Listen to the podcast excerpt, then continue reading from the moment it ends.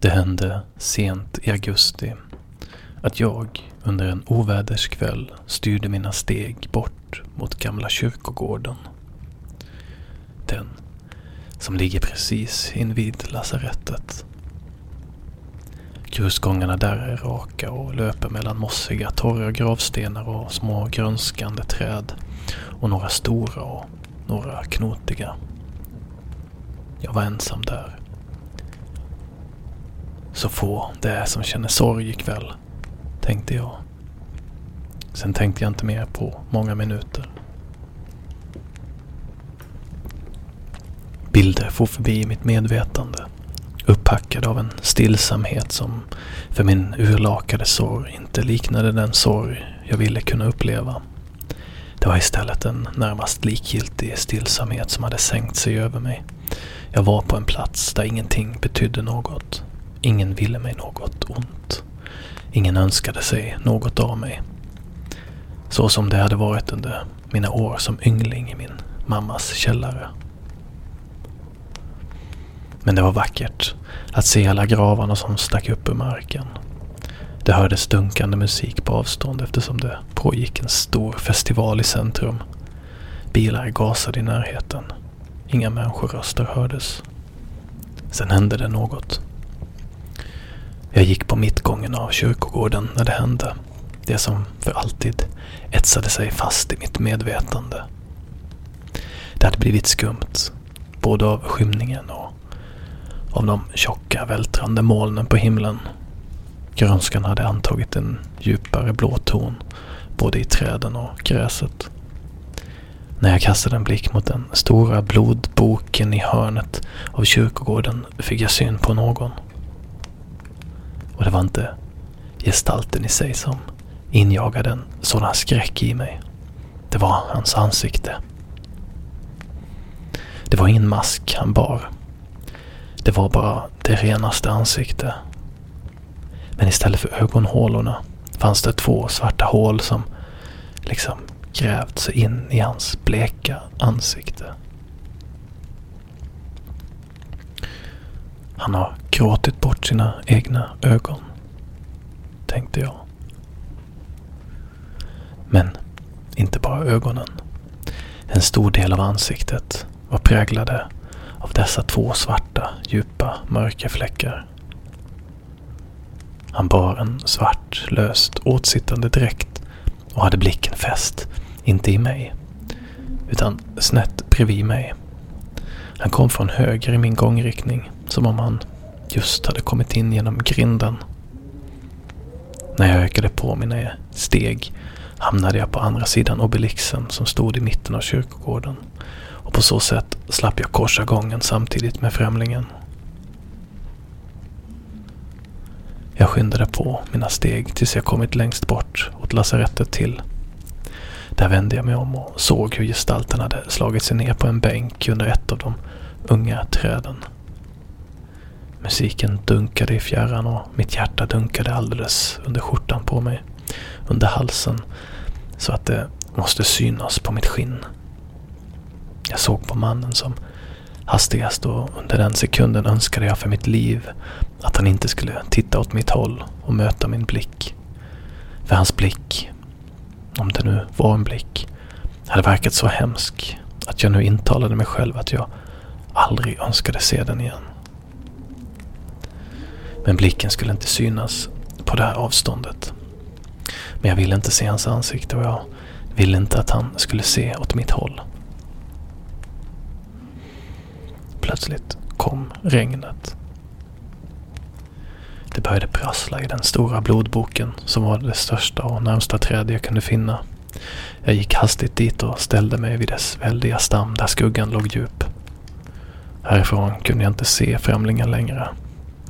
Men det behövdes inte, för jag började istället föreställa mig honom för min inre syn.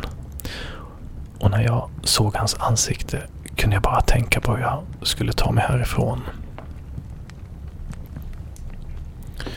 Regnet föll. Det smattrade mot akutmottagningens tak. Det rasslade i blodboken. Det skvätte ovanpå gravstenarna. Till slut började stora droppar leta sig igenom det väldiga trädets vinröda lövverk. De föll på mina axlar och trängde genom garnen i min kofta. Jag gav mig ut på gången och gick med snabba steg mot den svarta grinden av järn. Sen gled jag ut på gatorna för att ta mig hem samtidigt som regnet tilltog med allt större och tätare regndroppar. När jag tagit mig upp i min vindsvåning låste jag dörren och andades in den angenäma, varma luften som doftade av trä och lädermöbler. Jag låste dörren och just som jag gjorde det kände jag det som om den hemska gestalten skulle vara i min lägenhet. Men var jag än sökte så fann jag inte honom.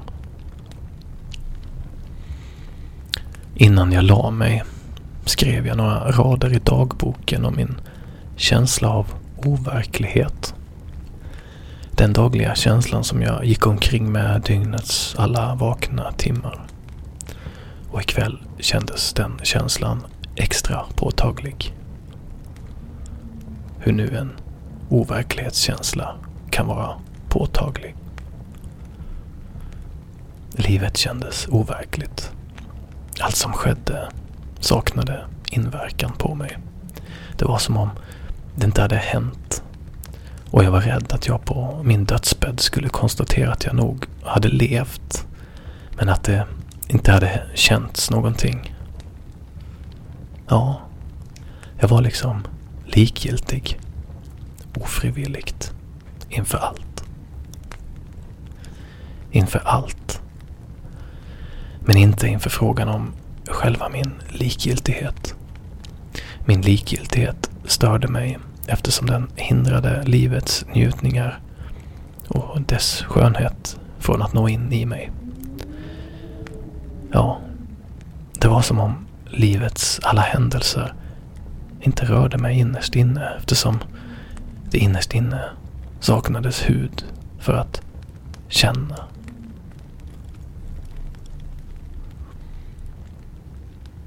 Jag hade svårt att somna den natten.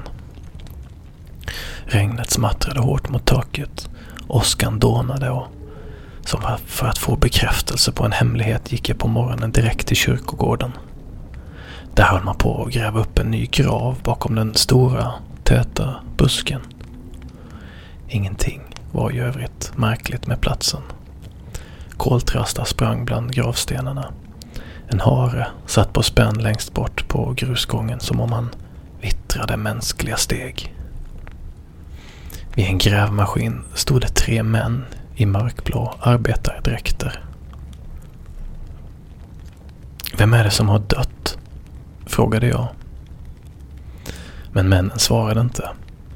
De inte så mycket som tittade åt mitt håll. Istället var det en av männen som nervöst sa. Vi får hoppas de kommer snart. Mm. Otäckt. Hur stor är sannolikheten? Ja, minimal, men det händer. Att inte trädet skyddade honom. Mm. Jag stod precis vid den sittbänk som gestalten hade suttit på igår kväll. En rysning gick genom min kropp. Jag mindes allt för tydligt hans ansikte. Hans ögonhålor, vars form påminde om två händer som grävt i jorden. Jag kastade en blick bort mot blodboken. Där det rasat ner små grenar som hängde i det rödskimrande lövverket och på marken fanns en grov gren som liknade en stelnad orm. Jag lämnade platsen vid bänken, passerade obelixen och gick över gravarna bort till blodboken och hajade till. På marken låg en kropp. Det var min kropp.